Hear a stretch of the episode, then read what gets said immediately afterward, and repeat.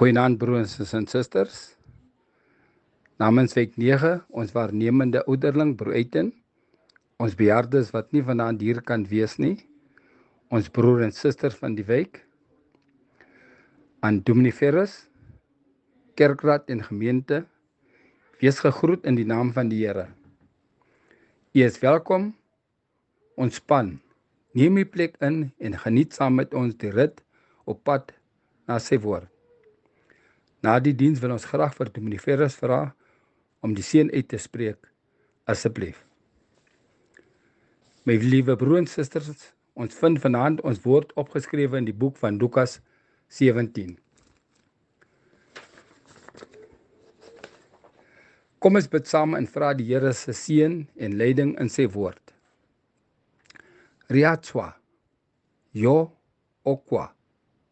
Mohodimo Lina Lachago. Onse Vader wat in die hemel is. Barmhartige God en Vader. Ons dink met droefheid aan ons gebrek aan ware geloof.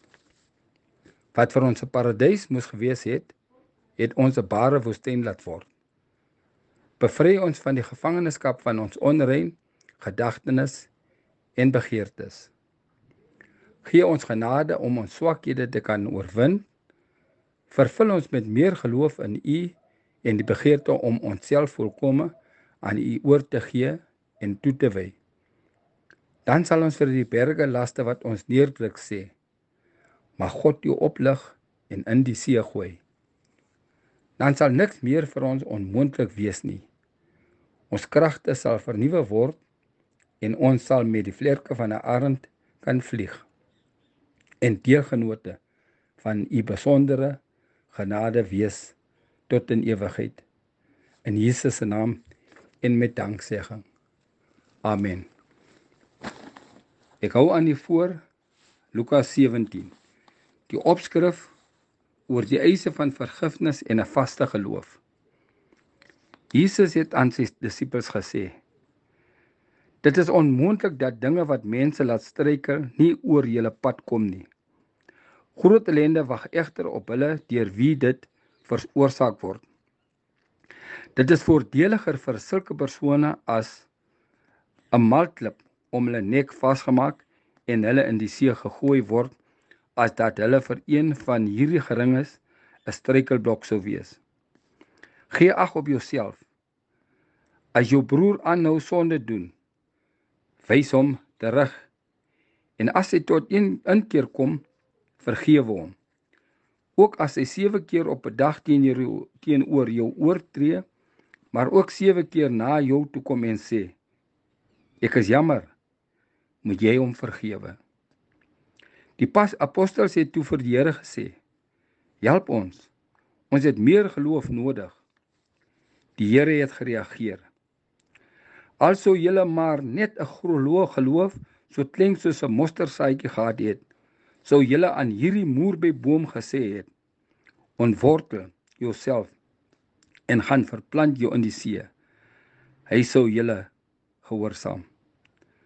As een van julle 'n slaaf het wat besig is om te ploeg of om diere te versorg, sal hy aan hom wanneer hy van die land af kom sê: kom eet gou saam. Nooit nie. Hy sal aan hom sê: Maak iets gaar vir aandete. Bind jou klere vas en bedien my terwyl ek eet en drink.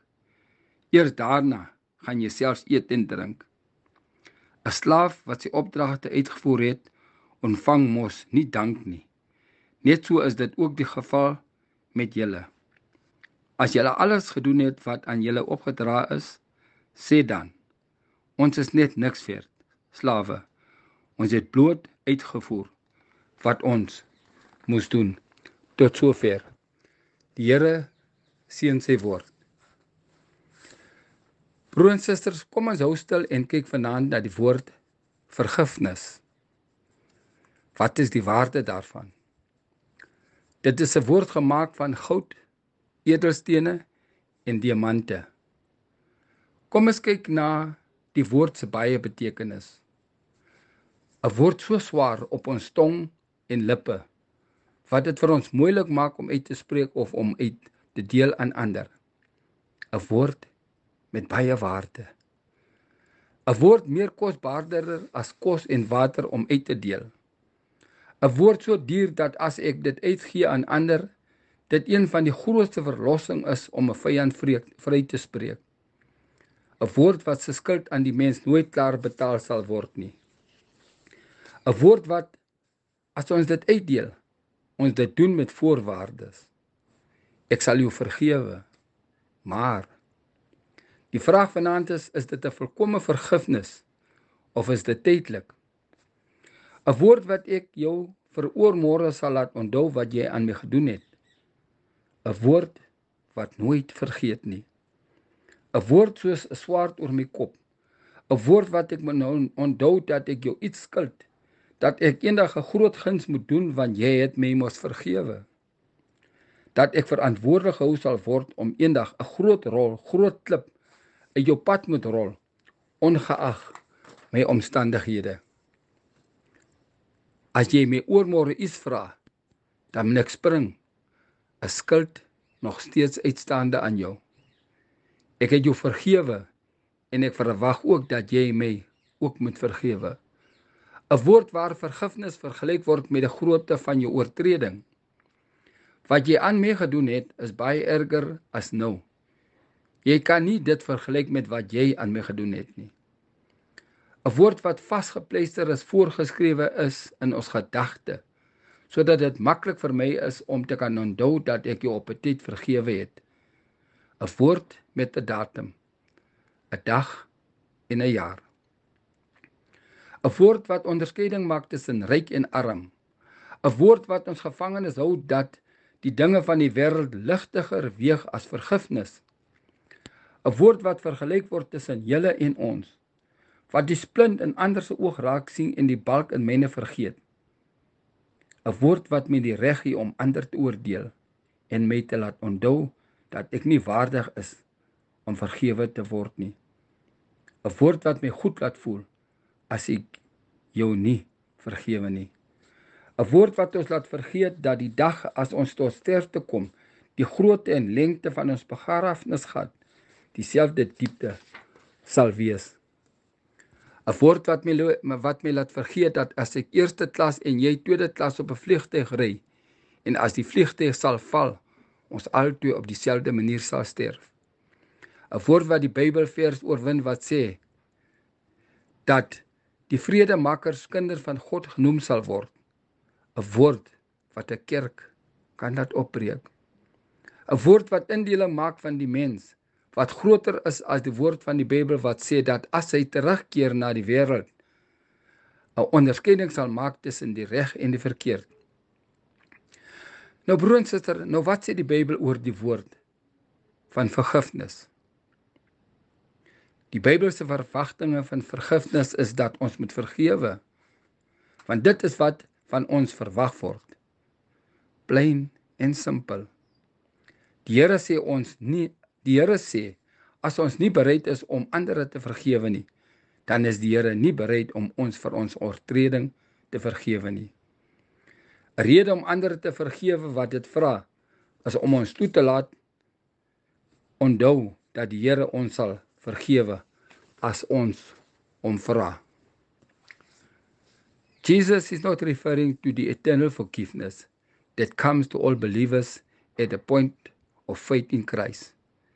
This forgiveness is not conditional.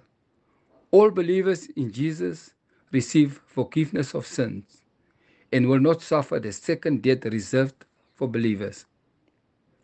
If we are so hard hearted that we never forgive others who request our forgiveness, then when we sin on earth, the Father in heaven will bring the consequences of our sin upon our heads to discipline us and to make a point.